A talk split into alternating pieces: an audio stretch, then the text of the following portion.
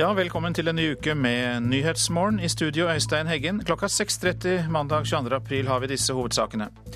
Den terrormistenkte 19-åringen i Boston skal være ved bevissthet og svarer skriftlig på politiets spørsmål, melder amerikanske medier. Frykt for spredning av kolera, hepatitt og diaré blant syriske flyktninger. Norge som Europas grønne batteri er ønsket fra kraftbransjen og politikerne her hjemme, men i Tyskland er det mer nøkternhet. Gratis iPad til skolebarn i Stavanger, helt ned til annen klasse. Eh, jeg tenker at vi må lære de sånn brukervett allerede tidlig. Kanskje skulle vi gjort det allerede i barnehagen. Sånn at dette eh, å bruke iPad skal være med å forsterke den læringen som elevene skal gjennom. Eli Gundersen, skolesjef i Stavanger.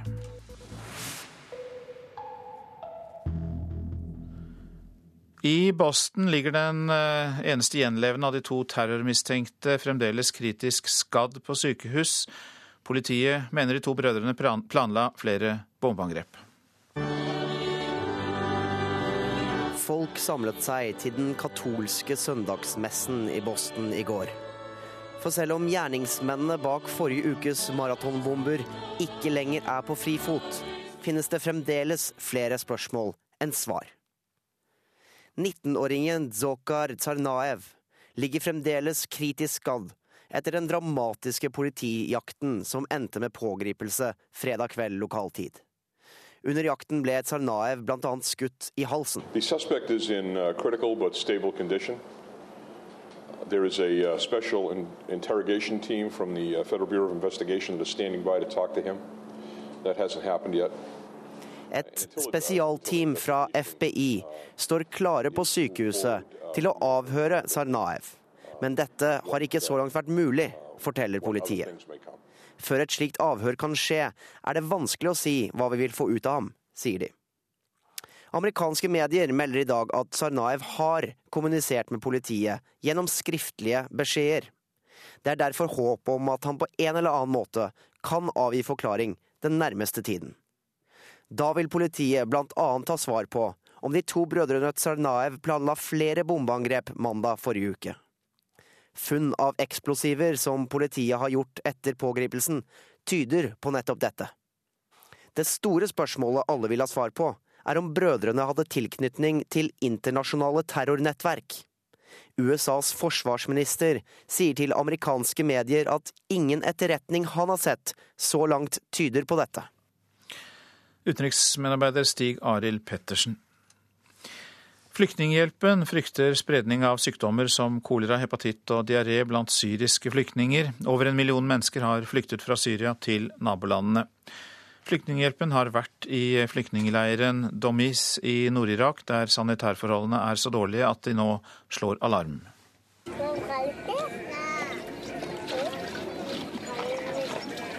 Bildene viser bornehender dekka av gjørme. Avløpsvann og kloakk siver ut i elva de vasker seg i. Flyktningleiren Domis er planlagt for om lag 2000 familier. Men allerede bor det nå mer enn tre ganger så mange familier i leiren. Her må så mange som 120 personer dele på ett toalett. Mangelen på tilgang til rent drikkevann øker smittefaren for sykdommer som kolera, hepatitt og diaré. Og når sommervarmen kommer, vil leiren bli et paradis for fluger, mygg og andre insekt som bidrar til å spreie sykdommene. Pressa sammen seks familier under ei presenning. Kapasiteten i flyktningleirene er sprengt, og hver dag kommer nye flyktninger fra Syria over grensene til nabolandene. Nå advarer Flyktninghjelpa mot spredning av sykdommer. De frykter det vil få dramatiske konsekvenser. Reporter Marte Halsør og programrådgiver i Flyktninghjelpen Bendik Sørvik, du er kommet til oss i Nyhetsmorgen. La oss ta det siste som ble nevnt først. Hvilke følger kan det få dersom sykdommene sprer seg? Som det blir nevnt i innslaget, det er jo uh, veldig uh, alvorlige sykdommer som, som, uh, som kan man frykte utbrudd av. Um, i, i, verste fall, så, så, som det også blir nevnt, så, så bor jo tett såpass, folk såpass tett at det fort skjer eh, spredning hvis man først har et uh, utbrudd. Uh, flere av de sykdommene har jo potensielt uh, dødelig utgang. Vi ser allerede en ganske kraftig økning av tilfeller av diaré. Så mange som opp mot 15% av befolkninga i denne Domus-leiren i, i Dohuk i Nord-Irak har det per, per i dag. Hvis jeg eh, var en politiker med mye penger, eh, hvilke argumenter ville du bruke på meg for å få penger til tiltak? Vi ser at uh, de syriske flyktningene som tar seg over til Irak, har uh, at det er færre midler per, uh, per flyktning. Og, og, situasjonen i, i den leiren eh, som ble nevnt i, i reportasjen, er verre enn en de fleste andre leirer vi, vi jobber i, i, i regionen. Så det er jo en god grunn i seg sjøl. Behovene er, er store. Um, det er jo et lavere antall flyktninger i Irak enn i, i de andre nabolandene, men, men uh, som det også blir nevnt, så, så eksploderer jo antallet nå. Uh, innen utgangen av 12, i, i 2013 så forventes tallet å, å, tredobles faktisk fra i dag. I dag er det 120 000 registrerte flyktninger. Hver dag blir det registrert rundt opptil 1000 nye flyktninger. Det har jo ikke vært noe veldig engasjement for disse flyktningene i norske medier. Er det sånn at vi sitter og ser på dette her? Hva tror du kan være årsaken til at det er lite engasjement? Jeg tror det er flere årsaker, ikke minst det at uh, Som jeg sa i stad, det, det, har vært færre, og det er færre flyktninger i Irak. Det ligger lenger unna, på en måte. Nå har allerede Jordan, Libanon, i viss grad Tyrkia vært i, i fokus en stund, så, så, det kommer på en måte i tillegg til de allerede eksisterende flyktningkrisene der. Så, så det er nok en, en, en del av eh, bildet her. Hvis du hadde ubegrensede med midler, Sørvik, i eh, denne leiren i eh, Irak, bare for å ta den som ligger dårligst an, hvilke ting ville du bygd opp og satt i verk? Ja, Dessverre så har vi ikke ubegrensede midler. Vi har nå inngått en avtale med FNs barnefond UNICEF om å utbedre sanitære, ut, sanitære infrastrukturen i, i denne ene leiren. Denne innebærer sikre rent drikkevann, bygge latriner, eh, vaskefasiliteter. Det er umiddelbare tiltak som kan eh, bidra til å, å redusere smittefare og, og, og generelt uh, gi de her flyktningene et mer verdig uh, hverdag. Uh, Uh, I tillegg så, så bør man uh, sikre medisinsk beredskap i leiren. Og ikke minst så, så er det viktig at man, man utvider leiren til å, sånn at den får, har reell kapasitet til å ta imot uh, og, og, kapasitet til, til, det antallet flyktninger som allerede er der, og, og til nye flyktninger. nå er det to nye flyktninger som er planlagt. Men, men dette arbeidet haster. Det, det, det, det er en kamp mot klokka.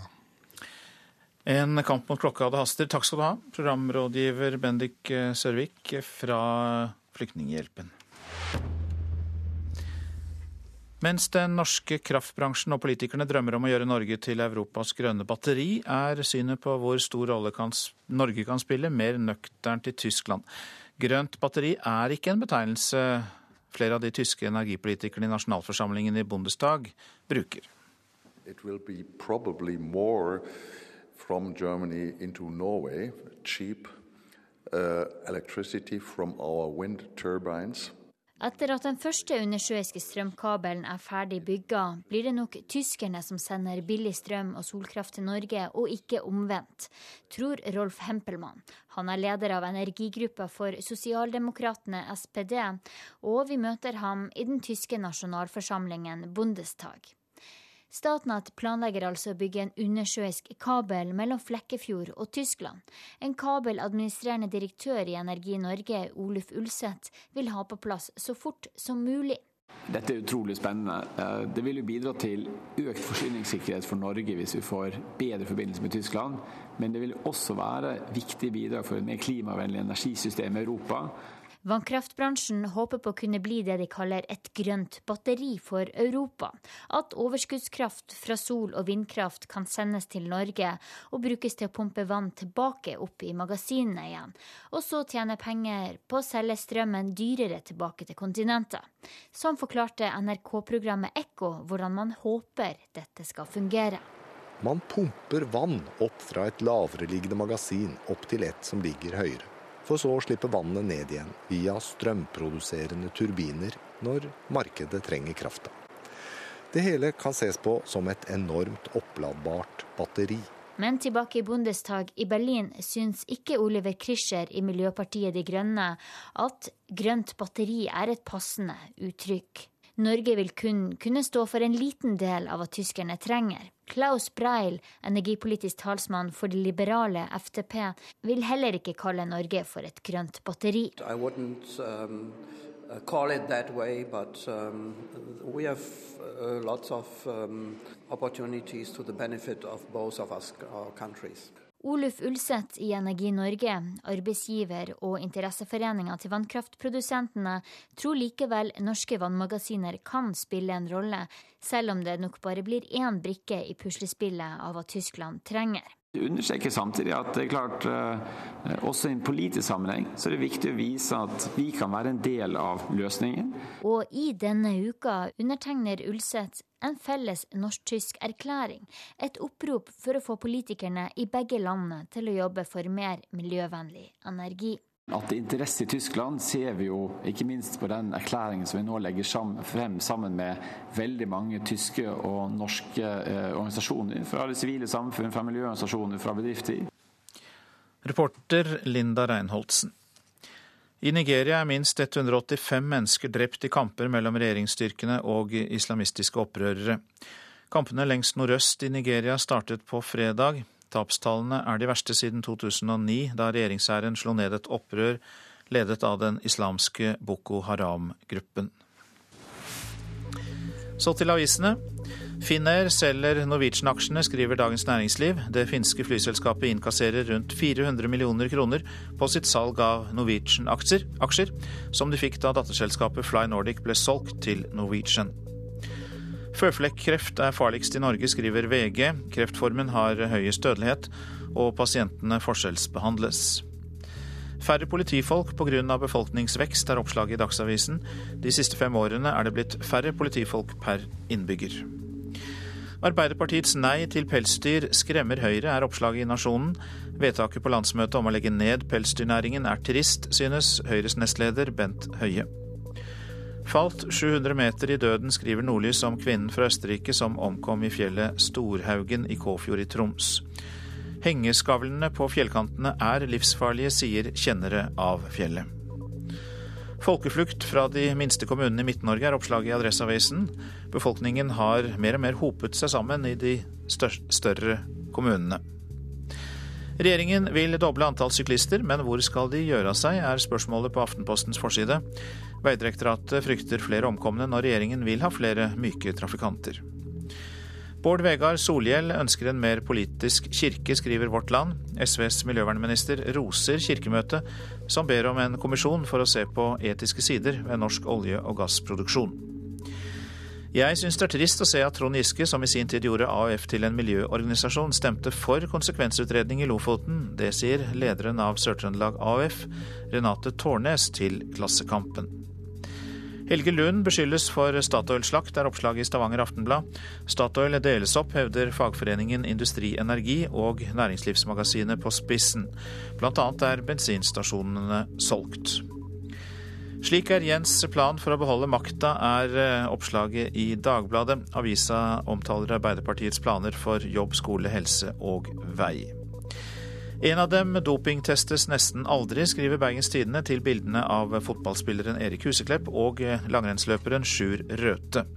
Sistnevnte testes ofte, men Huseklepp husker knapt sist han ble dopingtestet i Norge.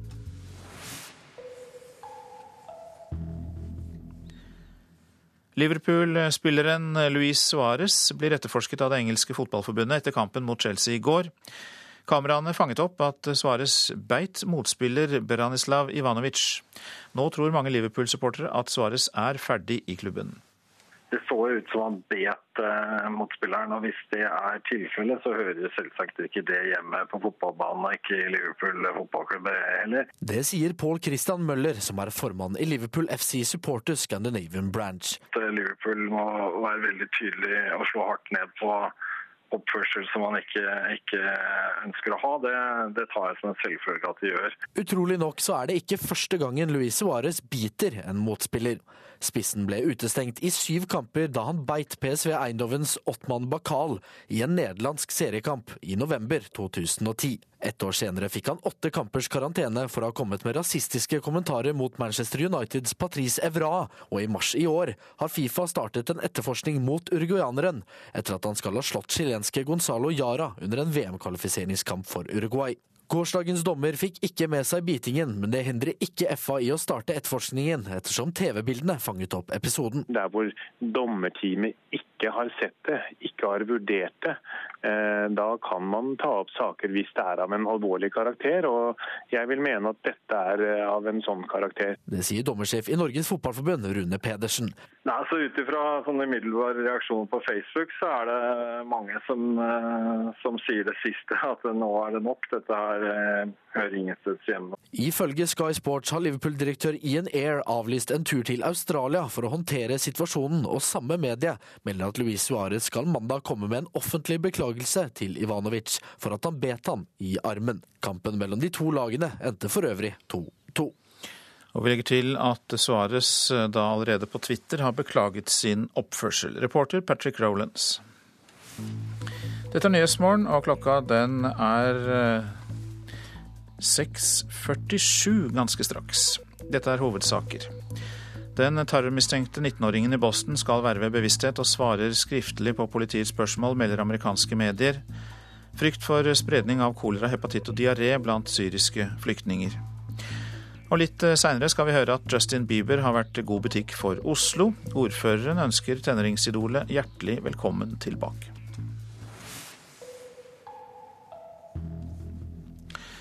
Nå om økt motivasjon gjennom iPad, for det blir forsøkt i Stavanger. Kommunen skal gi alle elever i fire skoleklasser hver sin iPad. Hva er det du gjør på iPaden din, da? Spille. Se på nyheter. Se i plan. Finne lekseplaner. iPad er ikke et ukjent verktøy for elevene i andre klasse på Roaldsøy skole på Hundvåg i Stavanger. Det er nettopp sistnevnte, lekseplan og undervisning, som iPaden nå skal brukes til. Skolen har nemlig blitt trukket ut til å være med på Stavanger kommunes iPad-prosjekt. Alle de 24 elevene skal få hver sin iPad som skal brukes i undervisningen. Bruksområdene er store, mener leseleder og andreklasselærer ved Roaldsøy skole, Tove Johannessen Mørk. Dette er et redskap som er kjent for de aller fleste barna. Eh, sånn at eh, dette vil være en mulighet til å få både skrivetrening, lesing det er apper der de kan få bøker lest opp, tekster lest opp for seg. Ehm, så dette her er en, en, ny, en ny verden, rett og slett. Selv fikk Mørk en iPad rett før jul. Gjennom flere nedlastbare apper så hun fort at nettbrettet kunne brukes i undervisningen i flere fag. Norsk, matematikk, faktisk kunst og håndverk hvis vi skal lage tegnefilmer. Eh, I norsk med sammensatte tekster. Eh, alle disse naturfag, historie, tror jeg det er kjempepotensial. Andre- og tredjeklasse på Roaldsøy skole, tredjeklasse på Vassøy skole og 8B på Kristianslyst skole skal nå få hver sin iPad. Stavanger kommune har brukt over 300 000 kroner på de 97 iPadene som skal deles ut. Totalt var det 19 søkere til prosjektet, og skal vi tro skolesjef i kommunen Eli Gundersen, er dette bare starten på noe mye større.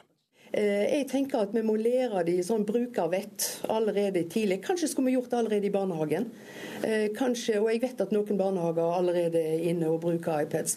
Så her handler det veldig mye om strukturer, systemer, forståelse, holdninger. Sånn at dette eh, å bruke iPader skal være med å forsterke den læringen som elevene skal gjennom.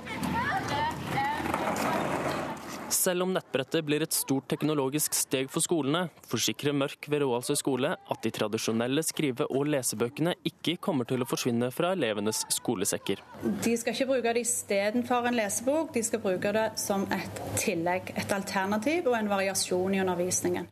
Prosjektet skal ha en varighet på to år, og målet til skolesjefen er å kunne sette av nok penger i kommunens budsjett for 2014, slik at alle åttendeklassinger i Stavanger kan få utdelt hver sin PC eller iPad. Men først må teknologien på plass. Eh, grunnen til at vi har skrevet skråstrek PC, iPads, er det at eh, nasjonale prøver og eksamen er ennå ikke tilgjengelig på iPads. Men det skal være tekniske løsninger på både nasjonale prøver og eh, PC-er, og derfor så må vi følge med. Så du håper å en gang kunne tilby nasjonale prøver på iPads? Ja, det gjør jeg helt klart. Eksamen òg. Reporter her, det var Håvard Tansje Larsen Knutsen. Økt eh, motivasjon gjennom iPad har vi altså hørt om. Nå skal vi høre om noe som opptar Astma- og Allergiforbundet. Få bukt med burota, det er nemlig kravet derfra. De vil at barn luker burot til sommeren. Mange har allerede meldt seg på Aksjon burot, sier regionsekretær i Telemark Eli Mathea Olsen. Det går i kort fortalt ut på at man luker burot i nærområdet et par timer en dag i juni, eh, i midten av juni, før burota blomstrer. Allerede i februar ba Astma- og Allergiforbundet alle barnehager og skoler i Telemark, Vestfold og Buskerud om å delta i aksjonen.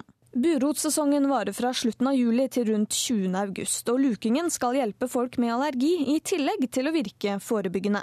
Buruta blomstrer seinest, så det vil si at en allergiker som har gått gjennom en vår med mange og tunge pollendager, får en ekstra knekk når burota også kommer. Da. Så det er både forebyggende eh, i forhold til de som ikke har noen allergi ennå, slik at ikke de blir utsatt for disse allergenene, samtidig som det hjelper de som har en allerede eksisterende allergi. Ekstrastiftelsen støtter prosjektet med 100 000 kroner. Og noe av grunnen til det er gode resultater fra Vestfold, sier informasjonsrådgiver Kjetil Hamnes. Det er 220 000 i Norge som har burotallergi. Du kan jo si at det er, det er ganske mange som potensielt får nytte av det prosjektet. Da. Og vi er veldig glad for å kunne bidra til det. Reporter Anette Steinsholt. Oslo-ordfører Fabian Stang ønsker popidolet Justin Bieber hjertelig velkommen tilbake, for innimellom konsert og jakten på et glimt av stjernen, så har fansen brukt penger. Analysebyrået Poiri har regnet ut at Bieber-besøket har skapt verdier for mer enn 100 millioner kroner.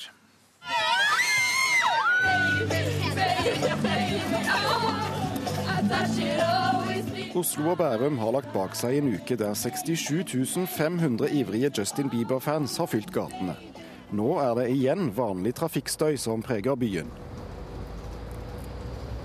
Og midt i den ordinære bylyden treffer vi sjeføkonom Roger Bjørnstad i analysebyrået Pøyri. På oppdrag fra konsertarrangøren har de regnet ut hvilke ringvirkninger de tre konsertene på Fornebu har hatt for Oslo og omegn. Det er klart at et sånt arrangement det krever mye arbeidsinnsats for å gjennomføre selve arrangementet. I tillegg så er det jo mange som kommer til Oslo og som trenger bespisning, overnatting, som kjøper varer og tjenester fra næringslivet, og som trenger transport. Rundt halvparten av alle konsertdeltakerne kom langveisfra, og en tredjedel av dem bodde på hotell under oppholdet. Godt over 40 000 dagsverk har vært nødvendig for å lage i stand Bieberfesten. Det betyr en økt verdiskapning på 104 millioner kroner disse dagene, viser beregningene fra Pøyri. Et slikt tall skaper glede på rådhuset. Stig på! Oslo-ordfører Fabian Stang tar imot. Det betyr jo at mange har hatt mulighet til å tjene penger, og så betaler de skatt av det, og så får jeg en sjanse til å drive god skole. Så utelukkende positivt for kommunen, rett og slett? Ja, og særlig nå når politi og vaktmannskaper, og ikke minst foreldrene, tok ansvar, sånn at det blir gjennomført på en sikker og god måte, så er, er det bare positivt med den type besøk. og de som ikke er, er glad i Baby Baby, de har jo mulighet til å høre på noe annet, enten det er Chopin eller, eller, hva det er de liker. Så Justin Bieber han er velkommen tilbake? Ja, kom igjen, skal vi lage mer forretning og, og få inn mer skatter. Og Det minner oss om at mye av næringslivet eh, i, i storbyer er knyttet til eh, ja, underholdning og kulturliv. Og det er også en form for verdiskapning, og det skaper eh, arbeidsplasser. Og reportasjen var laget av Thomas Alvarstein Ove. Landets største kulturbevegelse rystes av interne konflikter. Korbevegelsen organiseres av flere forbund, og det største av dem, Norges Korforbund, blir beskyldt for å rane til seg medlemmer og tilskuddskroner. Vi følger oss angrepet, sier Ung i Kor, som organiserer unge norske sangere. Det er søndag formiddag i Norges Korforbunds lokaler ved Nationaltheatret i Oslo. Anna Antonia Osland gjør seg ferdig med prøvesangen til et helt nytt nasjonalt ungdomskor som skal dannes denne våren. Det hadde vært litt kult å være med på noe sånn nasjonalt og møte nye mennesker og sånne ting også. Hun har sunget bra og er ved godt mot. Det gikk bra. Problemet er at det allerede finnes et nasjonalt ungdomskor. Det har eksistert siden 80-tallet og blir drevet av et konkurrerende forbund, Ung i kor. Nå er det slik at Den organisasjonen jeg representerer, Ung i kor, vi har drevet et nasjonalt ungdomskor i 27 år. Og så plutselig så oppdager vi da at Norges Korforbund eh, vil satse på ungdom, uten at vi vet noe mer om det. Og vi syns vi får svært dårlige svar når vi spør. Det sier generalsekretær i Ung i kor, Erik Bjørhei. Sammen med Norges kirkesangforbund, Norsk sangerforum og Ung kirkesang har han skrevet et åpent brev til storebror Norges korforbund, der han kritiserer forbundet for å stjele medlemmer og midler fra de. Vi føler at vi rett og slett blir angrepet. At vår aktivitet blir skadelidende ut fra det, og i neste runde da at barn og ungdom blir skadelidende. Utfordringen er at staten formidler penger til korsang gjennom to forskjellige departement. Det gis penger til barne- og ungdomskor gjennom Barne-, likestillings- og inkluderingsdepartementet, og til voksenkor fra Kulturdepartementet. Potten til barnekor er vesentlig større enn den til voksenkor. I neste runde så vil vi konkurrere om de samme pengene til den samme type aktiviteten. Det er jo ikke, for det første så er det ikke noen avtale som er inngått om disse tingene. her, og så har en gentleman's agreement om at vi skal holde oss unna hverandres medlemmer. Det sier president i Norges Korforbund, Sven Ola Hådi. Han mener at det er mange nok korsangere å ta av, slik at flere forbund kan ha medlemmer fra både kirkekor og ungdomskor. Den norske korbevegelsen er jo da 200 000 sangere. Så er det et veldig stort potensial med uorganiserte kor og korsangere i Norge. Og det er dette her som, som våre tillitsvalgte i korforbundene da har satt på agendaen ved å forandre strategi. President i Norges Korforbund Sven Ola Hådi og reporter Sofia Paskevitsj.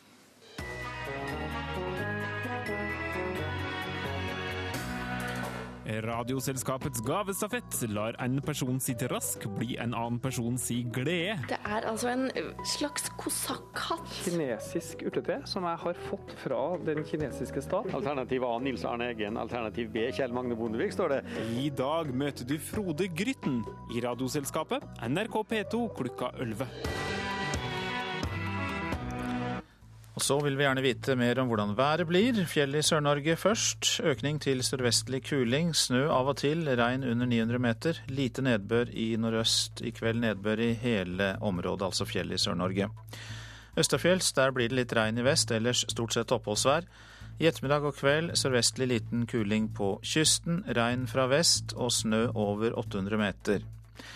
Vestlandet sør for Stad. Sørlig kuling på kysten. Periodevis sterk kuling i nord. Regn av og til, snø over 800 meter. Seint i ettermiddag sørlig til dels sterk kuling på kysten. Storm i nord. Seint i kveld minkende vind. Men økende nedbørsaktivitet i kveld. Det var altså Vestlandet sør for Stad. Så var det Møre og Romsdal. Stiv til sterk kuling nær Stad. Litt regn av og til. Vesentlig sør, snø over 800 meter. I kveld sørlig stiv til sterk kuling og økende nedbørsaktivitet. Trøndelag opphold og perioder med sol. Nord-Norge sør eller sørøst liten kuling. Ytterst i Lofoten mellom Nordkapp og Vardø perioder med stiv kuling. Minkende i Nordland i kveld. Av og til litt regn i Lofoten og Vesterålen. Ellers for det meste opphold og perioder med sol i Nord-Norge. Nordensjøland på Spitsbergen minking til sørøstlig liten kuling. I kveld bris, delvis skyet opphold. Noen temperaturer. Svalbard 2, Kirkenes 0, Vardø 3, Alta og Tromsø 5, Bodø 7, Brønnøysund 8, Trondheim 6, Molde 7, Bergen 4, Stavanger 5, Kristiansand minus 2, Gardermoen 0, Lillehammer pluss 2, Røros minus 3 og Oslo-Blindern 1 plussgrad da klokka var fem.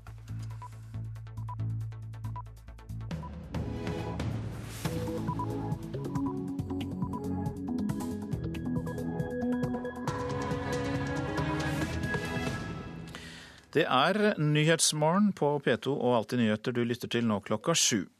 Her i studio Øystein Heggen, og vi har en nyhetsoppdatering aller først.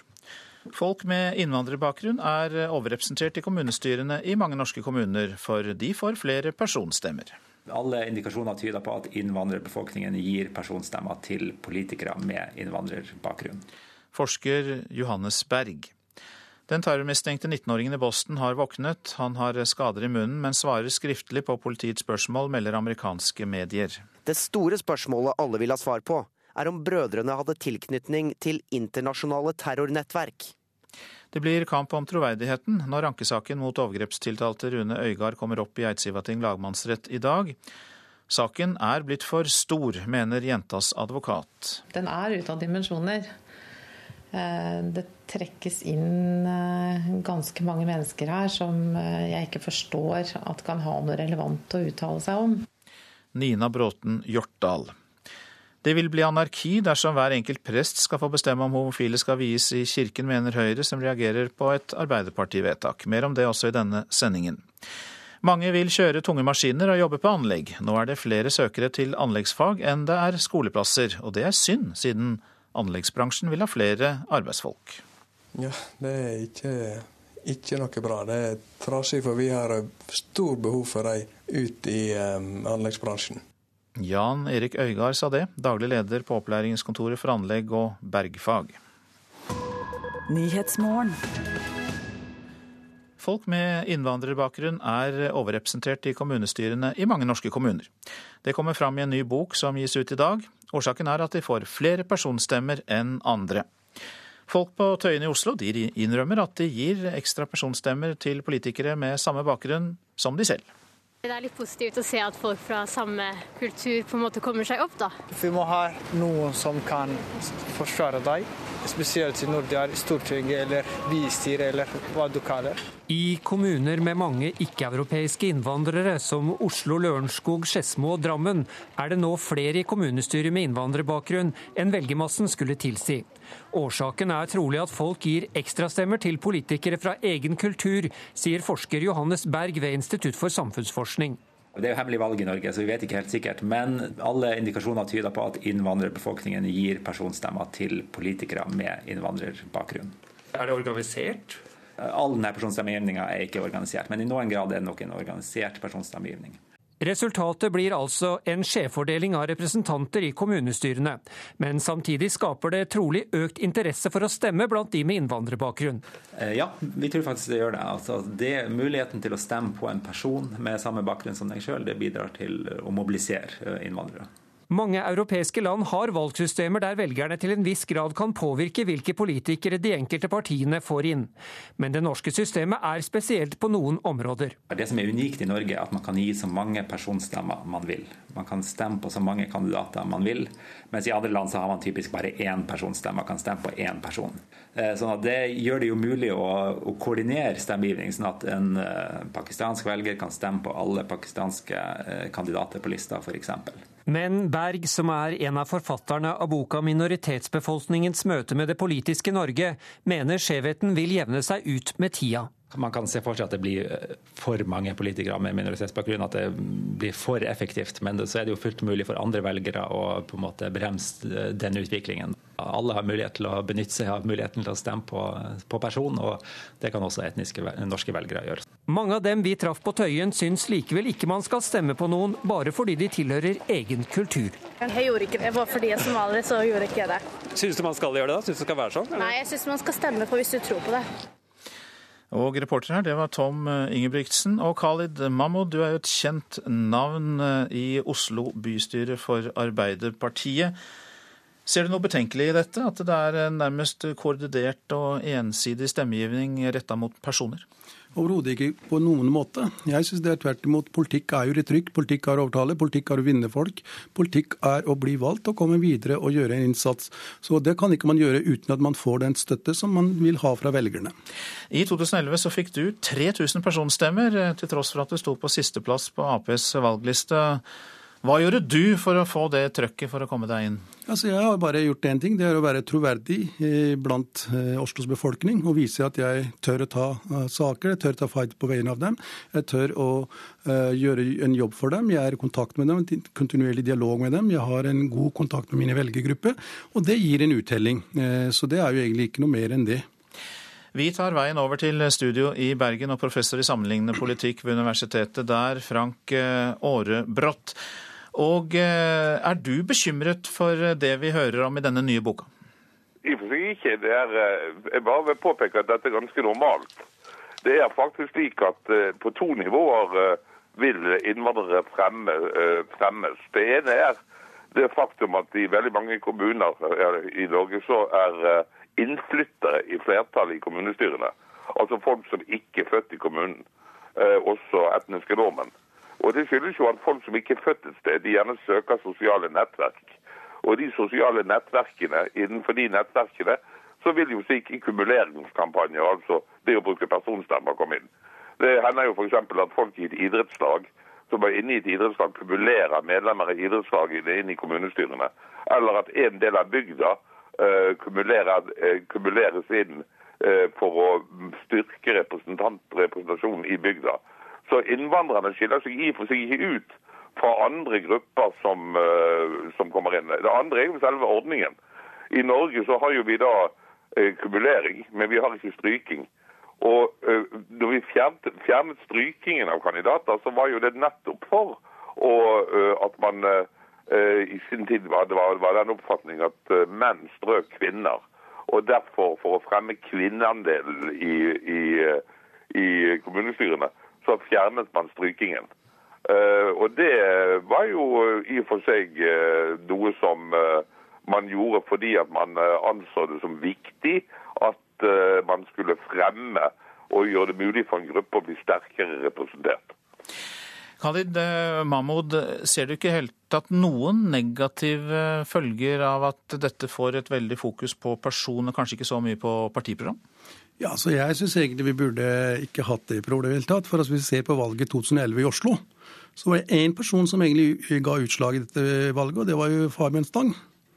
Høyre vant jo valget fordi de hadde en kandidat som heter Fabian Stang. Den persons betydning hans hadde veldig stor betydning. Jeg skjønner ikke hvorfor det at noen innvandrere får noen ekstra personstemmer, det skulle være med på å undergrave eller få noen negative konsekvenser for, for, for, for politikken eller for demokratiet. Jeg tror personen har en viss betydning i politikken, eh, på samme måte som politikken har betydning for personen.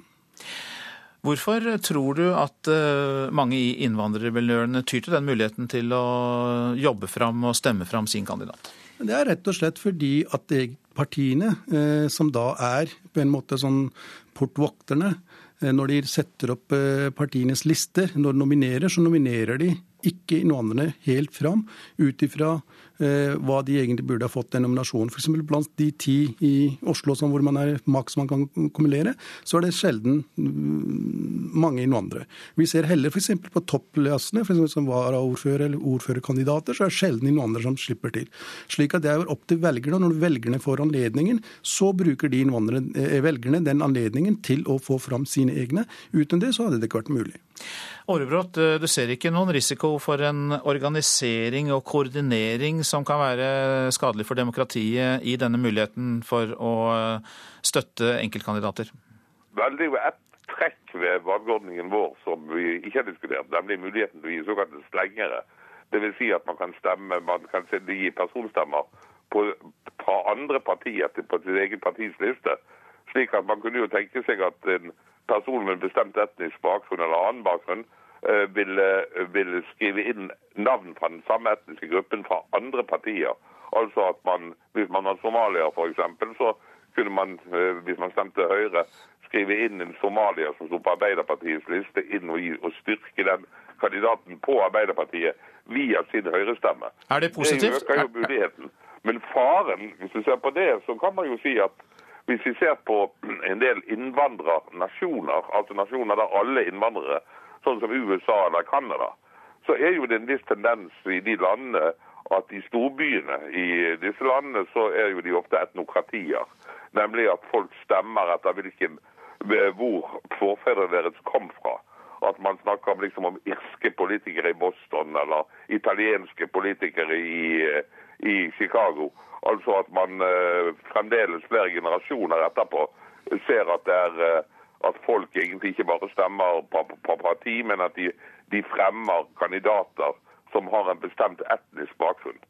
Men, men eh, Det er jo en beskrivelse av situasjonen, men opplever du det, oppfatter du det som noe negativt? Nei, altså Det kommer jo litt an på hvorvidt man vurderer amerikansk politikk i byene som noe negativt, egentlig. Men det, det er sånn det er. Men jeg tror nok det at eh, det at folk som kommer utenfra og til et lokalsamfunn, eh, søker sosiale nettverk, og at politiske partier og politikk er slike sosiale nettverk, på linje med idretten eller andre frivillige organisasjoner, slik at folk som eh, er født og oppvokst et sted, har mindre behov for å søke seg inn i organisasjonslivet enn folk som kommer inn. Og det er et trekk som gjelder i alle kommuner i Norge, ikke bare i storbyene. Takk skal du ha, Frank Aarbrot, som er professor i sammenlignende politikk ved Universitetet i Bergen, og Khalid Mahmoud, som sitter i bystyret i Oslo for eh, Arbeiderpartiet. Det blir kamp om troverdigheten når eh, ankesaken mot Rune Øygard kommer opp i Eidsivating lagmannsrett i dag. Lagmannsrettens behandling blir minst like omfattende som i tingretten. Forsvarsadvokaten har bl.a. innkalt ti nye vitner. Med over 50 vitner i saken og enorm medieinteresse har saken blitt altfor omfattende, ifølge bistandsadvokat Nina Bråten Hjortdal. Hun er vel så godt forberedt som hun kan være. Det er klart at dette er jo en eh, sak som selvfølgelig er en belastning. Det ville det vært for enhver person, og også for ei ung jente. Eh, men jeg tror hun er godt rustet. Rune Øygard ble i Sør-Gudbrandsdal tingrett dømt til fire års fengsel for seksuelle overgrep mot ei ung jente. Dommen ble anket, og i lagmannsretten er det satt av seks uker til behandling av saken. Forsvarer Mette Johan Larsen har også innkalt ti nye vitner til ankesaken som starter på Hamar i dag, og det begeistrer ikke bistandsadvokat Hjortdal. Den er ute av dimensjoner. Eh, det trekkes inn eh, ganske mange mennesker her som eh, jeg ikke forstår at kan ha noe relevant å uttale seg om. Øygards forsvarer Mette Yvonne Larsen fortalte forrige uke at det ikke vil bli lagt frem nye bildebevis. Aktor statsadvokat Torbjørn Klundsæter vil ikke kommentere bevisførselen, men bistandsadvokat Nina Bråten Hjortdal har forventninger til at påtalemyndigheten kommer med nye bevis. Også denne gang vil troverdigheten til Øygard og jenta være avgjørende. Ja, Det legges jo på en måte opp til at det er det. Eh, jeg har hele tiden hevdet, og jeg hevder fremdeles, at her er det ja, det er troverdighet, men det er også en del bevis som støtter opp om de enkelte parters troverdighet. På lørdag mottok forsvarsadvokat Larsen nye dokumenter i saken. Mengden skal være såpass omfattende at Larsen vurderer å be om utsettelse når ankesaken starter i dag, ifølge VG. Reporter Mario Torres og leder i krimredaksjonen i eh, NRK.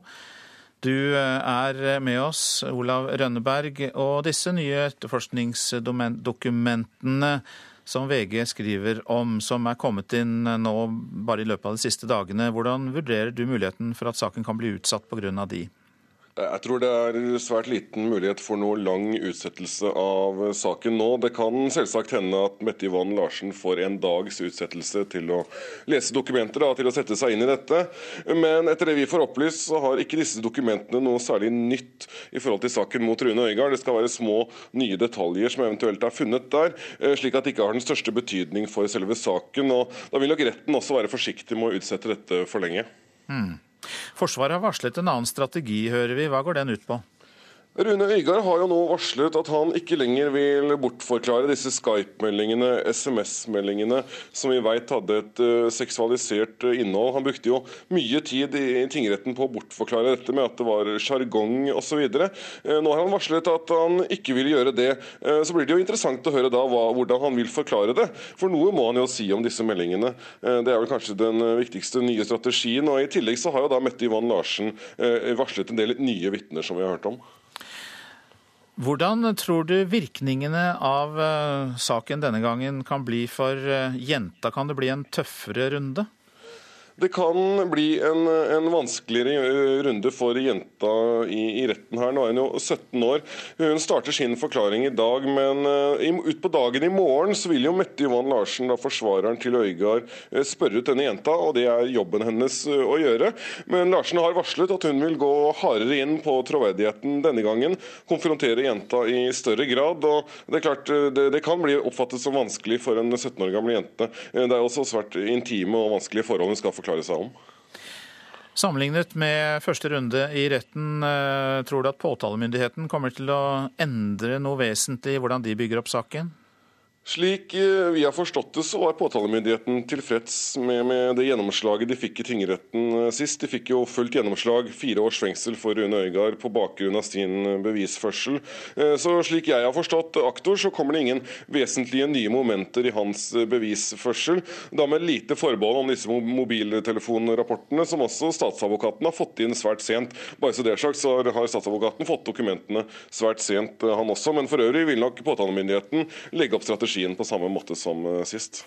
Så Avslutningsvis så kan vi konkludere med at den blir i hvert fall minst like omfattende som forrige runde, denne runden i lagmannsretten, Olav Rønneberg? Den blir eh, like omfattende som sist, og, de nye momentene kan faktisk komme helt til slutt her. Eh, nå vet vi at Mette Johan Larsen vurderer å kalle inn åtte unge gutter eller menn fra bygda rundt der Øygard og jenta bor, eh, som da skal forklare seg om en angivelig relasjon til den unge jenta. Eh, skjer det, så kan saken bli mer omfattende, eh, og det kan også bli interessant å se. Men det er klart at gjør hun det, så kan dette slå tilbake på Rune Øygard som tiltalt. Takk skal du ha, Olav Rønneberg, leder i krimredaksjonen i NRK, med oss fra studio på Hamar. Dette er Nyhetsmorgen, og klokka den eh, går mot 7.17. Vi har disse hovedsakene. Folk med innvandrerbakgrunn er overrepresentert i kommunestyrene i mange norske kommuner. Politiet i USA mener de to som er mistenkt for bombeangrepet i Boston, hadde konkrete planer om å gjennomføre flere terrorangrep. Og Justin Bieber skapte verdier for over 100 millioner kroner for eh, Oslo-området de dagene konsertene pågikk.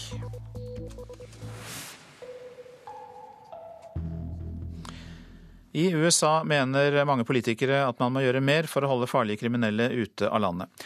Den eldste av brødrene som gjennomførte terrorangrepet for en uke siden, oppholdt seg i Dagestan i seks måneder i fjor, der han eh, skal ha trent og planlagt angrepet i Boston.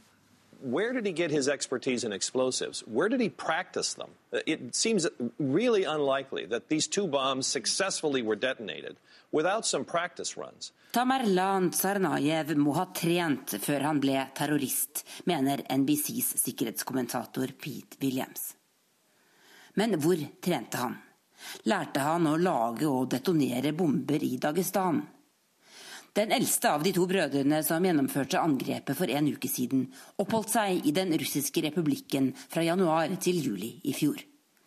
Han kan ha reist ut og inn av USA under falsk identitet, mener enkelte eksperter. For Tsarnajev hadde vært i FBIs søkelys etter at russiske myndigheter advarte amerikanerne mot ham. Spørsmålene er mange i USA nå. Hvorfor FBI, som de siste årene har klart å stanse en rekke terrorplaner i USA, ikke klarte å oppdage Tsarnajev-brødrene, er det viktigste. If they had an indication of interest by a foreign service and a connection to an overseas group in Chechnya or in the North Caucasus, hvis FBI virkelig var blitt advart av russisk etterretning om at Tsarnajev kunne ha forbindelser til en gruppe utenfor USA, burde de ha undersøkt dette nærmere, mener tidligere sikkerhetsminister Michael Churchoff. Flere kongressrepresentanter har skrevet brev til det føderale politiet for å få svar på alle spørsmålene de har. Den overlevende lillebroren Tsjokar Tsarnajev er så hardt skadd av et skudd i halsen at det er uklart om han noen gang kan avhøres. This man, in my view, should be designated as a potential enemy combatant, and we should be allowed to question him for intelligence gathering purposes. Den republikanske senatoren Lindsey Graham mener han bør behandles som en fiendtlig stridende, og ikke omfattes av den samme rettssikkerheten som andre amerikanske statsborgere. Obama-administrasjonen ønsker neppe å innfri dette ønsket. President Obama er prinsipielt imot å klassifisere terrormistenkte på den måten Bush-administrasjonen gjorde i krigen mot terror. Obama skal imidlertid ha snakket med Russlands president i helgen. De to har diskutert et tettere antiterrorsamarbeid. USA og Russland har de siste årene ikke hatt noe tett samarbeid på dette området. Men etter at terrorister fra Nord-Kaukasus for første gang har gjennomført et angrep utenfor sin egen region, vil USA trolig ønske å holde et nærmere øye med islamister i f.eks. Dagestan. Og terrormistenkte Jokar Tsarnajev har våknet i sykesengen i Boston og svarer nå skriftlig på politiets spørsmål, melder amerikanske medier. Reporter Tove Bjørgaas. Nordøst i Nigeria er minst 185 mennesker drept i kamper mellom regjeringsstyrker og ekstreme islamister. Kampene startet fredag, og antall døde er det høyeste siden regjeringshæren slo ned et opprør ledet av den islamske Boko Haram-gruppen i 2009. I India er ytterligere én person pågrepet etter bortføringen og voldtekten av en fem år gammel jente for eh, en uke siden. Overgrepet har utløst store demonstrasjoner i eh, hovedstaden. Myndighetene i Myanmar var delaktige i etnisk rensing av den muslimske minoriteten i fjor, slår Human Rights Watch fast i en rapport. Over 100 mennesker ble drept og 125 000 drevet på flukt. Det har da skjedd siden august i eh, fjor. Hjem igjen. Det vil bli anarki dersom hver enkelt prest skal få bestemme om homofile skal vies i kirken. Ja, det mener Høyre blir resultatet av Arbeiderpartiets vedtak i går om at de vil endre loven som nekter prester å vie homofile i Den norske kirken. Vil du ha Per Jostein Gabrielsen som står ved din side? Ja. Kvinne og mann sier ja og får hverandre, men bytter du ut kvinna i kirkerommet med en mann, oppstår problemet. Da bryter nemlig presten lova. Ja, dette er en stor dag, for Arbeiderpartiet har vedtatt at de ønsker å fjerne det forbudet som prester har til å vie homofile og lesbiske par. Fortell Gard Sandaker Nilsen i Arbeiderpartiet sitt homonettverk. Ekteskapslova har nemlig en paragraf som gjør ekteskapet ugyldig dersom presten ikke har fulgt reglene for giftermål, liturgien. Kyrkja har ikke laga noen ny liturgi for vigsler mellom likekjønna. Dermed er det ikke blitt noe homobryllup i Den norske kyrkja. Med vårt nye vedtak blir det opp til kyrkja og prestene sjøl, sier Sandaker Nilsen. Dette vedtaket betyr at Den norske kirke og prestene kan selv finne ut av om de ønsker å gifte homofile og lesbiske par, eller om de ønsker å fortsette å diskriminere. Det blir bråk om en lar dette være opp til hver enkelt prest, mener Bent Høie i Høyre. Det vil innebære at en vil oppleve et uh, form for anarki i Den norske kirke, der den enkelte prest som har uh, vigselsretten, vil da begynne å praktisere dette ut ifra egen overbevisning, og ikke vente på Kirkemøtets avklaring. Men Høyre er vel også for skille mellom kirke og stat? Er ikke dette et spørsmål kirka sjøl kan ta stilling til? Ja, Det som vil da skje, det er jo i realiteten at det ikke er kirka som, som, som, fellesskap som vil bestemme dette, men den enkelte prest. og det er jo derfor denne paragrafen kom inn i sin tid. Nå er det på tide å fjerne den, mener Sjannaker Nilsen, som ikke mener det blir noe anarki av å slippe prestene fri. Det har ikke blitt anarki i andre tros- og livssynssamfunn, så det er ingen grunn til å tro at det skal bli noe anarki i Den norske kirke. Reporter, det var Astrid Randen. Så til det avisene skriver. Finner selger Norwegian-aksjer, skriver Dagens Næringsliv. Det finske flyselskapet innkasserer rundt 400 millioner kroner på sitt salg av aksjer, som de fikk da datterselskapet Fly Nordic ble solgt til Norwegian. Føflekkreft er farligst i Norge, skriver VG. Kreftformen har høyest dødelighet, og pasientene forskjellsbehandles. Færre politifolk pga. befolkningsvekst er oppslaget i Dagsavisen. De siste fem årene er det blitt færre politifolk per innbygger. Arbeiderpartiets nei til pelsdyr skremmer Høyre. Det er oppslaget i Nasjonen. Vedtaket på landsmøtet om å legge ned pelsdyrnæringen er trist, synes Høyres nestleder Bent Høie. Falt 700 meter i døden, skriver Nordlys om kvinnen fra Østerrike som omkom i fjellet Storhaugen i Kåfjord i Troms. Hengeskavlene på fjellkantene er livsfarlige, sier kjennere av fjellet. Regjeringen vil doble antall syklister, men hvor skal de gjøre av seg? Det er spørsmålet på Aftenpostens forside. Vegdirektoratet frykter flere omkomne når regjeringen vil ha flere myke trafikanter. Bård Vegar Solhjell ønsker en mer politisk kirke, skriver Vårt Land. SVs miljøvernminister roser Kirkemøtet, som ber om en kommisjon for å se på etiske sider ved norsk olje- og gassproduksjon. Jeg syns det er trist å se at Trond Giske, som i sin tid gjorde AF til en miljøorganisasjon, stemte for konsekvensutredning i Lofoten.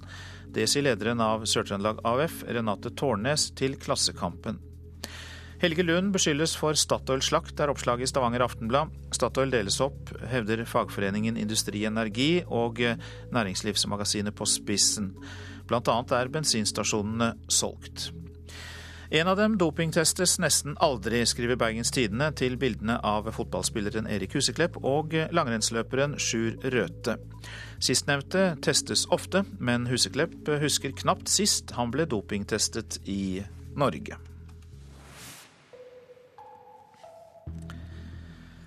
Mange unge vil kjøre tunge maskiner og jobbe på anlegg. Flere søker seg til anleggsfag, og nå er det for få skoleplasser.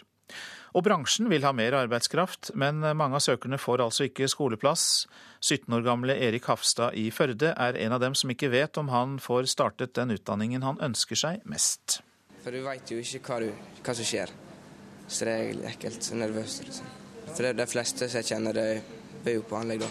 Og de går med den ekle følelsen om de kommer inn eller ikke.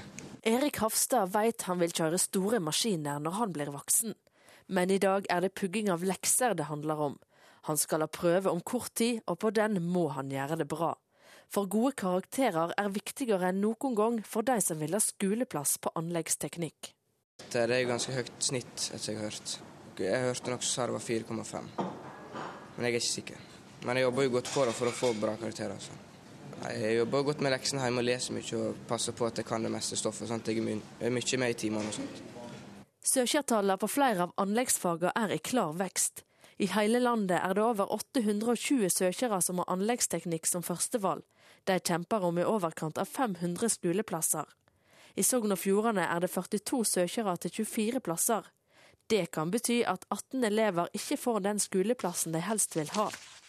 Så her blir det en kamp for elevene å komme inn.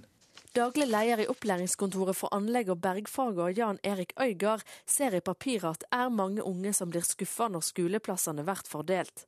Han synes det er svært uheldig at mange ikke får komme i gang med den utdanninga de helst vil ha, særlig med tanke på at anleggsbransjen gjerne vil ha flere fagfolk. Ja, det er ikke, ikke noe bra. Det er trasig, for vi har stor behov for dem ut i um, anleggsbransjen. Hva mener du burde vært gjort, da? Eh, vi burde ha fått uh, en klasse til opp uh, å gå. For her er jo uh, absolutt behov for arbeidskraft, og de får seg eh, både lærekontrakt og arbeid etter lærekontrakt. Eh, her er jo veldig mye arbeid på veiene rundt omkring. Leder for Hovedutvalget for opplæring i Sogn og Fjordane, Norvald Nøringseth, har denne forklaringa på hvorfor det ikke er nok skoleplasser. Og Det vil alltid være oversøkende noen plasser, slik at han kunne opprette enda flere klasser. Men det må se i forhold til elevtallet og elevplasser, så må vi se i forhold til læreplasser osv. Så, videre, og så, videre. så er det en del sånne, sånne innspill som tar hensyn til. Og så veldig sterkt press eh, oppfatter ikke det at politikerne har fått på å opprette ekstraklasse på, på, på det området der. Så her har ikke de som kjemper for klassen vært tydelige nok inn mot dere som bestemmer? Det kan godt hende at det ikke har vært tydelig nok eh, og på det tidspunktet der det, skulle ha vært. Så. Hvis det er 42 søkere og det er 24 plasser, så klarer en vel å se det som politiker òg, at her er det flere søkere enn det er plasser. Er det på tide ja, å ta en klasse? Det vil, det vil levert på mange fagområder, det. Så Det er noen fagområder som er veldig populære, og da er det mye sterkere kamp om plassene. Det er sånn det, sånn det er. Og, og, de som driver innenfor de områdene der, får da en, en for å sette enkelte enkelt en høyere standard på søkerne, fordi at kampen er så hard om plassene. Tallet på lærlinger i anleggsbransjen er mer enn dobla siden 2005. Og for neste år kan virksomheter i Sogn og Fjordane tilby flere lærlingeplasser enn tallet på studieplasser. Men for 17 år gamle Erik er det viktig at det blir nok skoleplasser nå. Nei, altså, jeg syns de burde fått til en linje til. Sørge for at de som har lyst til å gå, skal få komme inn. Fordi det er jo framtida vår. Og jeg syns det er viktig at vi får, får til det vi vil. Og reporter her, det var Kjellrun Lavik. Dette er P2s Nyhetsmorgen. I Russland trapper president Putin opp kampen mot opposisjonen. Opposisjonelle blir fengslet, bøtelagt utsatt for iscenesatte rettssaker. Mer om dette i reportasjen etter Dagsnytt. Arbeiderpartiets nestleder Helga Pedersen og nestleder i Kristelig Folkeparti Dagrun Eriksen er eh, blant gjestene i Politisk kvarter. Prosent for Nyhetsmorgen, Marit Selmer Nedrelid. Her i studio, Øystein Heggen.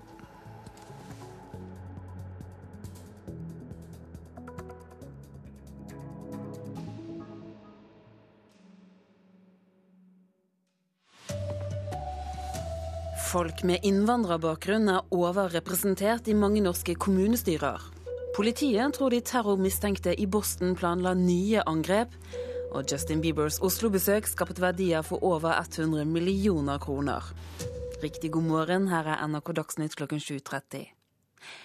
I mange norske kommuner er folk med innvandrerbakgrunn overrepresentert i kommunestyrene, kommer fram i en fersk bok. Årsaken er at de får flere personstemmer enn andre.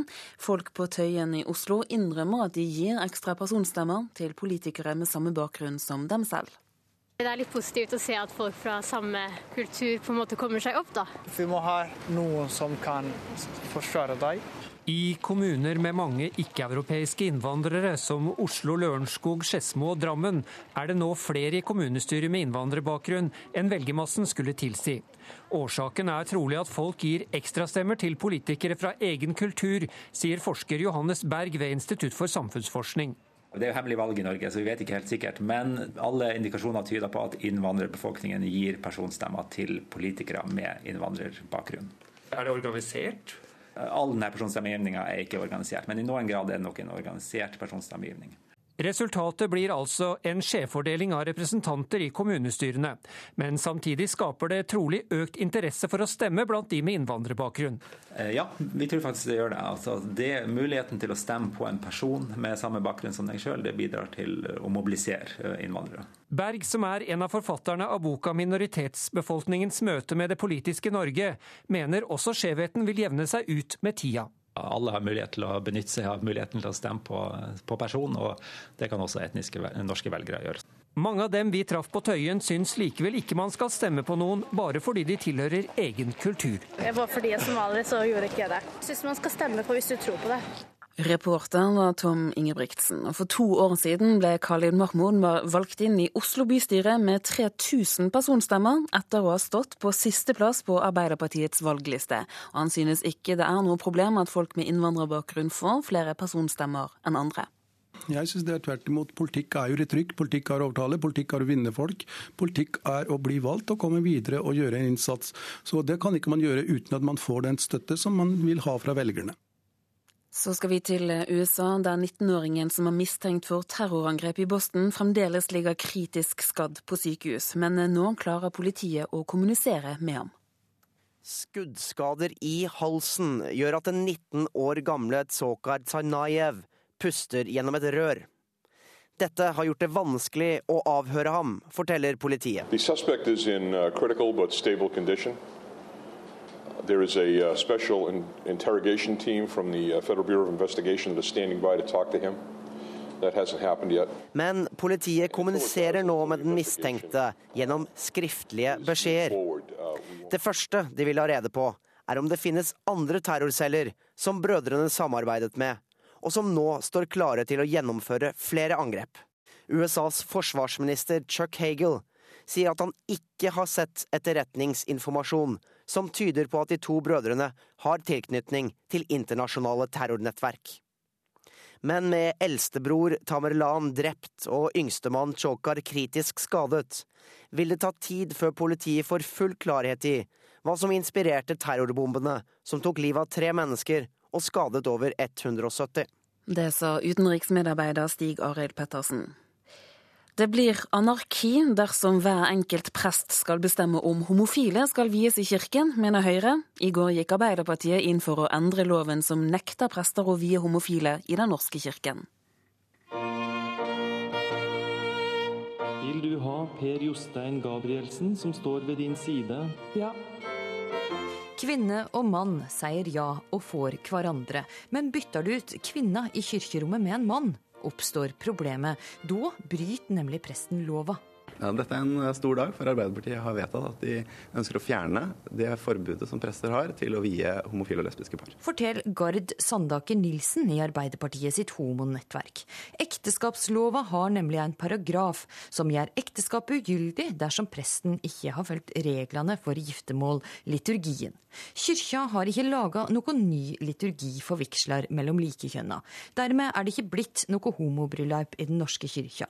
Med vårt nye vedtak blir det opp til kyrkja og prestene sjøl, sier Sandaker Nilsen. Dette vedtaket betyr at Den norske kirke og prestene kan selv finne ut av om de ønsker å gifte homofile og lesbiske par, eh, eller om de ønsker å fortsette å diskriminere. Det blir bråk om en lar dette være opp til hver enkelt prest, mener Bent Høie i Høyre. Det vil innebære at en vil oppleve et uh, form for anarki i Den norske kirke, der den enkelte prest som har vigselsretten, vil da begynne å praktisere dette ut ifra egen overbevisning, og ikke vente på Kirkemøtets avklaring. Det har ikke blitt anarki i andre tros- og livssynssamfunn, så det er ingen grunn til å tro at det skal bli noe anarki i Den norske kirke. Reporteren, det var Astrid Randen. Forsvarsadvokat til eks-ordfører Rune Øygard, Mette Yvonne Larsen, har innkalt ti nye vitner til ankesaken mot Øygard som starter i dag. Med over 50 vitner i saken og enorm medieinteresse, så har saken blitt altfor omfattende. Det mener bistandsadvokat Nina Bråten Hjortdal. Den er ute av dimensjoner. Det trekkes inn ganske mange mennesker her som jeg ikke forstår at kan ha noe relevant å uttale seg om. Rune Øygard ble i Sør-Gudbrandsdal tingrett dømt til fire års fengsel for seksuelle overgrep mot ei ung jente. Dommen ble anket, og i lagmannsretten er det satt av seks uker til behandling av saken. Forsvarer Mette Johan Larsen har også innkalt ti nye vitner til ankesaken, som starter på Hamar i dag. Det er delvis vitner som kan kaste mer lys over fornærmedes situasjon, og bl.a. noen flere lærere. Så er det også litt andre vitner som man etter hvert skal få vite, som også skal si litt om dette med troverdighet osv. Mette Yvonne Larsen er Rune Øygards forsvarsadvokat, og ankesaken starter i dag klokken ni. Reporter det var Mario Torres.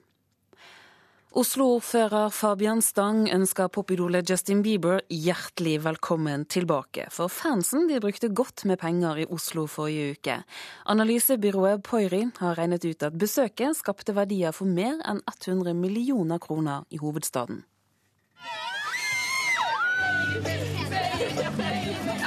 Oslo og Bærum har lagt bak seg en uke der 67 500 ivrige Justin Bieber-fans har fylt gatene. Tilbake i et normalt gatebilde forteller sjeføkonom Roger Bjørnstad i analysebyrået Pøyri at 40 000 dagsverk måtte til for å få i stand Bieber-festen. Halvparten av publikum kom langveisfra, og de har brukt penger på bl.a. overnatting, mat, shopping og transport. Og Det minner oss om at mye av næringslivet eh, i, i storbyer er knyttet til eh, ja, underholdning og kulturliv. På rådhuset varmer det ordfører Fabian Stangs hjerte å høre om en økt verdiskapning på 104 millioner kroner. Ja, og Særlig nå når politiet og vaktmannskaper, og ikke minst foreldrene, tok ansvar, sånn at det ble gjennomført på en sikker og god måte, så er, er det bare positivt med den type besøk. Og de som ikke er, er glad i Baby Baby, de har jo mulighet til å høre på noe annet. Enten det er Chopin eller, eller hva det er de liker. Så Justin Bieber han er velkommen tilbake? Ja, kom igjen. Skal vi lage mer forretning og, og få inn mer skatter. Reporter her, det var Thomas Alverstein Ove. Liverpool-spilleren Luis Suárez blir etterforsket av det engelske fotballforbundet etter kampen mot Chelsea i går. Kameraene fanget opp at Suárez bet motspiller Branislav Ivanovic, og nå tror mange Liverpool-supportere at Suárez er ferdig i klubben. Det så ut som han bet eh, motspilleren. og Hvis det er tilfellet, så hører selvsagt ikke det hjemme på fotballbanen, og ikke i Liverpool fotballklubb heller. Det sier Paul Christian Møller, som er formann i Liverpool FC Supporters Scandinavian Branch. Liverpool må være veldig tydelig og slå hardt ned på oppførsel som man ikke, ikke ønsker å ha, det, det, tar jeg som en selvfølge at de gjør. Utrolig nok så er det ikke første gangen Luis Suárez biter en motspiller. Spissen ble utestengt i syv kamper da han beit PSV Eindhovens Ottmann Bakal i en nederlandsk seriekamp i november 2010.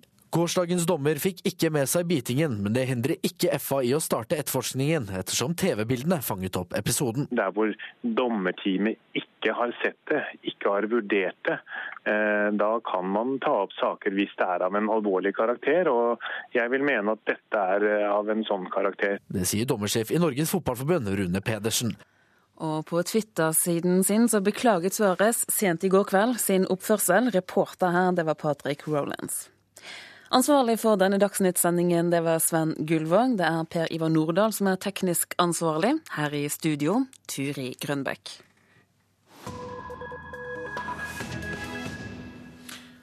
Dette er P2s Nyhetsmorgen. I Russland trapper president Putin opp kampen mot opposisjonen. Opposisjonelle blir fengslet, bøtelagt og utsatt for iscenesatte rettssaker. Presidenten er reddere for motstand nå i sin tredje presidentperiode. Спасибо большое, спасибо. Прогнозы, что мы, конечно, выиграем, победим и прогоним всех жуликов и воров от власти. Паспорт взял. Vi skal vinne denne rettssaken, og vi skal fjerne alle tyver og svindlere fra makta. Det sa Aleksej Navalnyj på vei til rettssalen i Kirov nordøst for Moskva denne uka. Han er bare 36 år gammel men han var den som ledet an demonstrasjonene mot det sittende regimet før presidentvalget i Russland i fjor.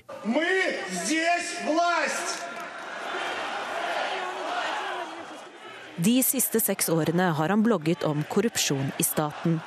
BBC beskriver ham som den eneste store opposisjonsfiguren som har kommet fram i Russland de siste fem årene. For det første er han en yngre person, og det er viktig, for opposisjonen har ofte vært frontet av figurer fra 90-tallet som, eh, som, folk ikke har gode assosiasjoner med. Det sier forsker Julie Wilhelmsen ved Norsk utenrikspolitisk institutt. Navalny har jobbet med å avsløre korrupsjon, og han er også en karismatisk personlighet. Han appellerer til en, en type russisk russisk eh, patriotisme eller, eller, nasjonalisme. Og det er populært i, i Russland i dag.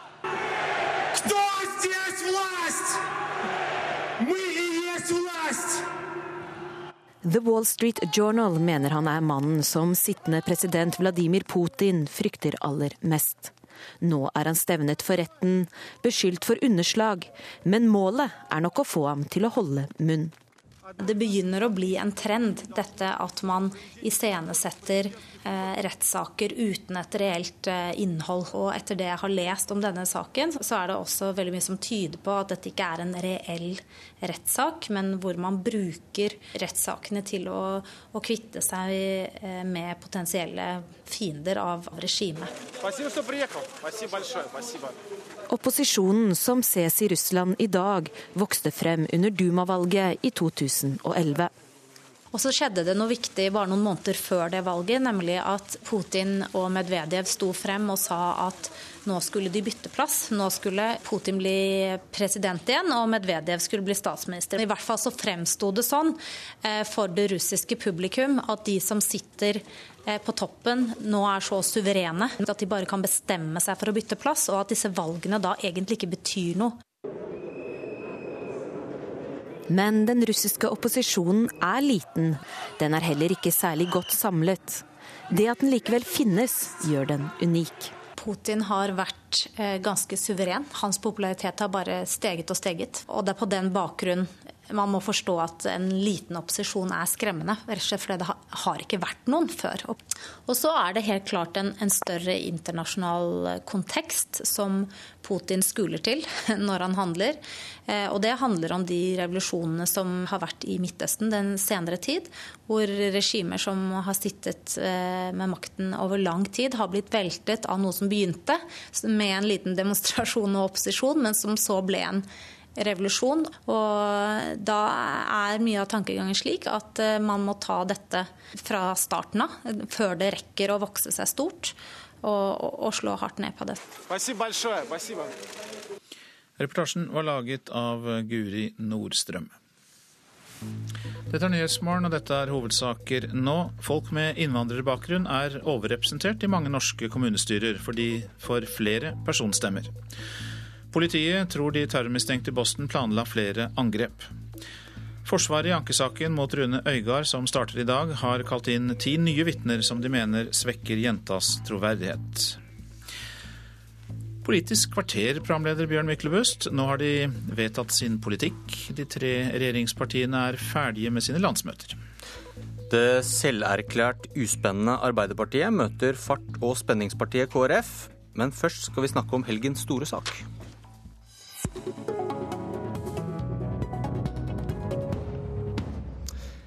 Nestleder i Arbeiderpartiet Helga Pedersen, på deres landsmøte kom det høylytte krav om at motstanderne forteller hva slags politikk de skal føre. Men hva blir den rød-grønne regjeringens politikk når det gjelder en konsekvensutredning for Lofoten og Vesterålen, hvis dere får fortsette? Ja, Det er jo for tidlig å si i dag, men nå har Arbeiderpartiet vedtatt uh, sin politikk, eh, som handler om at vi uh, ønsker å gjennomføre en konsekvensutredning av havområdene utenfor Lofoten og Vesterålen. Og så skal landsmøtet ved neste korsvei i 2015 ta stilling til eventuell åpning for petroleumsvirksomhet. Men lyder det ikke litt hult å kreve svar i viktige saker fra andre når man ikke kan gi svar i en sak som kan sprenge regjeringen? Det er jo sånn at Arbeiderpartiet, SV og Senterpartiet har eh, ulikt syn i en del enkeltsaker. Eh, men vi har jo avklart 99% av vår felles politikk, som jo i hovedsak handler om at vi skal styrke det norske fellesskapet, eh, skape fremtidas arbeidsplasser, styrke den norske eh, fellesskolen og bygge ut helse- og omsorgstjenester eh, til alle. Og det skal vi gjøre fordi at vi prioriterer velferd fremfor eh, skattekutt og private løsninger. Men ser du ikke et paradoks i at en så viktig sak, som faktisk kan sprenge regjeringen, hvis man skal tro på at Arbeiderpartiet mener noe med dette vedtaket, da? Hvis ikke bare SV skal få den seieren, om du vil, så blir det rart å kreve avklaring om handlingsregelen fra Høyre og Frp når dere ikke kan svare på Lofoten og Vesterålen? Jeg, jeg mener det blir litt feil uh, å avkreve svar fra Arbeiderpartiet, SV og Senterpartiet uh, i et sånt spørsmål før Høyre og Fremskrittspartiet har avklart hva hvordan den økonomiske politikken vil være. Et sånt grunnleggende spørsmål på om handlingsregelen skal ligge til grunn, som alle norske partier, bortsett fra Fremskrittspartiet, har vært eh, enige om i snart 15 år. Eh, de er ikke enige om skattene skal kuttes med 25 milliarder eller 100 milliarder, og sånn kan vi fortsette. Også EØS-spørsmålet er de faktisk uenige om. Vi skal komme tilbake til litt fart og spenning etterpå. Nina Jensen, generalsekretær i World Wildlife Fund. Du sto på gata og demonstrerte i helgen. Og etter Arbeiderpartiets vedtak er vi nå kun et par blå landsmøter unna et flertall på Stortinget for en konsekvensutredning. Hva skjer med Lofoten og Vesterålen nå? For det første så er jeg jo ikke enig i konklusjonen din. Eh, vi har kanskje tapt eh, kampen nå, men vi har absolutt ikke tapt krigen. Eh, og jeg tror en samlet miljøbevegelse og de partiene som har miljøpolitikk intakt i partiprogrammet sitt, vil kjempe mot en åpning av dette området. Dette er altså verdens beste kandidat til å være et petroleumsfritt område. 70% av all fiskefangst i Barentshavet og Norskehavet vokser opp her, i tillegg til unike naturverdier, verdens største korallrev og masse sjøfugl. Og det som jeg stiller meg spørsmål ved, er jo Hvilken kunnskap er det Helga Pedersen og Arbeiderpartiet faktisk er ute etter i dette området? Det er kanskje verdens best utredede område, og all kunnskap tilsier et rungende nei til petroleumsvirksomhet her. Ja, du, du mener den løsningen Arbeiderpartiet landa på var var et forsøk på å lure tvilerne? til å si ja, det er det absolutt. Eh, og de prøver å tiltrekke seg eh, velgere her fra begge leire. Både de som er for et ja, og de som er for et nei, ved å tåkelegge debatten. Så de burde egentlig være krystallklare på vil de ha ja eller vil de ha nei, og hvilken kunnskap er det de er ute etter? Det er helt riktig at vi har samla inn veldig mye kunnskap om de her områdene. Både det som handler om forventa sysselsettingseffekt, som handler om sameksistens eh, mellom fiskeri og petroleum, som handler om eh, bunnforhold, sjøfugl. Eh, vi vet veldig mye om miljø i dette området. Men så er det nå engang sånn at i norsk petroleumspolitikk, der en skrittvis og kunnskapsbasert tilnærming alltid har ligget til grunn, så er konsekvensutredning det beste verktøyet vi har for å vurdere ulike interesser, fakta og argumenter opp mot hverandre. Og Det er det landsmøtet vårt nå har gitt sin tilslutning til, men med en veldig klar forutsetning at spørsmålet om en eventuell åpning for petroleumsvirksomhet i her områdene, det skal behandles på nytt av landsmøtet vårt i 2015. Og da blir jo mitt neste spørsmål, hvis denne konsekvensutredningen, hvis den gjennomføres, viser med like stor tydelighet eh, det de miljøfaglige rådene sier nå, altså at dette området ikke skal åpnes opp for oljevirksomhet, vil også da Arbeiderpartiet si nei? Jeg skal ikke sitte i dag og uh, forskuttere utfallet av en konsekvensutredning. Men, men svar, svar, for deg selv, Pedersen. Hva skal til for at du snur?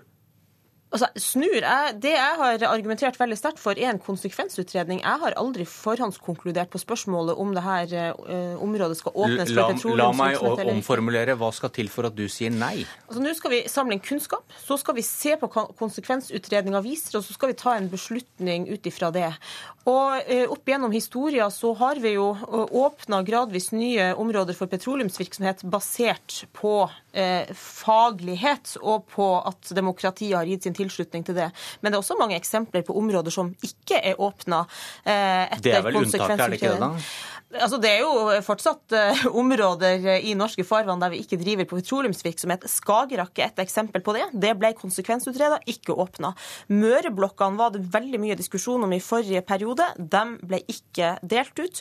Og langs Finnmarkskysten så har vi jo også et uh, belte som uh, Stortinget har bestemt ikke skal åpnes for petroleumsvirksomhet. Poenget er at her skal faglighet legges til grunn, og demokratiet skal involveres i de beslutningene vi skal ta også i fremtida. Og det er jo flott at Helga Pedersen her understreker at faglighet skal ligge til grunn. Når da alle de faglige rådene sier et rungende nei.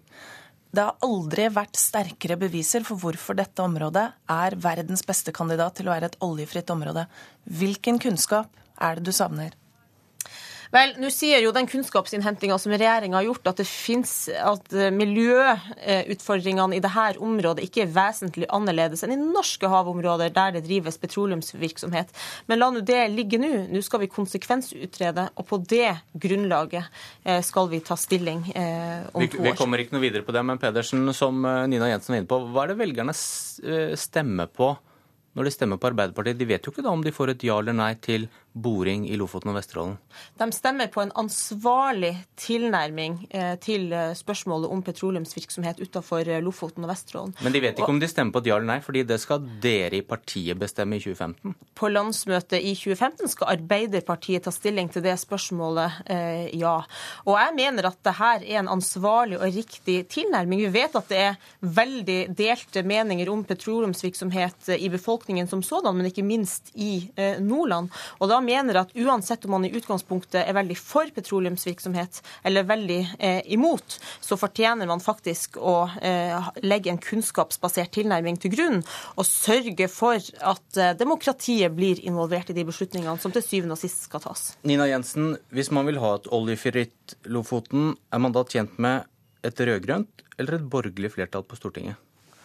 Forskjellene her er jo blitt eh, veldig vasket ut. Det er, eh, det er, vanskelig å si, egentlig. så Derfor så vil jeg oppfordre hver av blokkene til å tydeliggjøre sitt standpunkt. Og jeg vil jo oppfordre alle velgerne til å stemme på de minste partiene. Eh, KrF, Venstre, SV, Miljøpartiet De Grønne. For å sørge for at vi får sterke miljøstemmer inn på eh, Stortinget og også inn i regjering. Nevnte du KrF nå? Jeg nevnte KrF nå. Du gjorde det? Ja, det var jeg som ikke hørte etter. Og eh, hvis vi får en blå-blå regjering, eller hvis vi risikerer å få en regjering der eh, Arbeiderpartiet kommer i posisjon alene, så står miljøet sterkt svekket. Ok, Takk, Nina Jensen, nestleder i Kristelig Folkeparti, Dagrun Eriksen. Velkommen. Dere er jo langt på vei enig med Nina Jensen, men jeg må stille deg det samme spørsmålet jeg stilte til Venstres leder. For KrF har som Venstre lovet velgerne en borgerlig regjering hvis de rød-grønne mister flertallet. Hva skjer med Lofoten og Vesterålen hvis dere ikke kommer i regjering?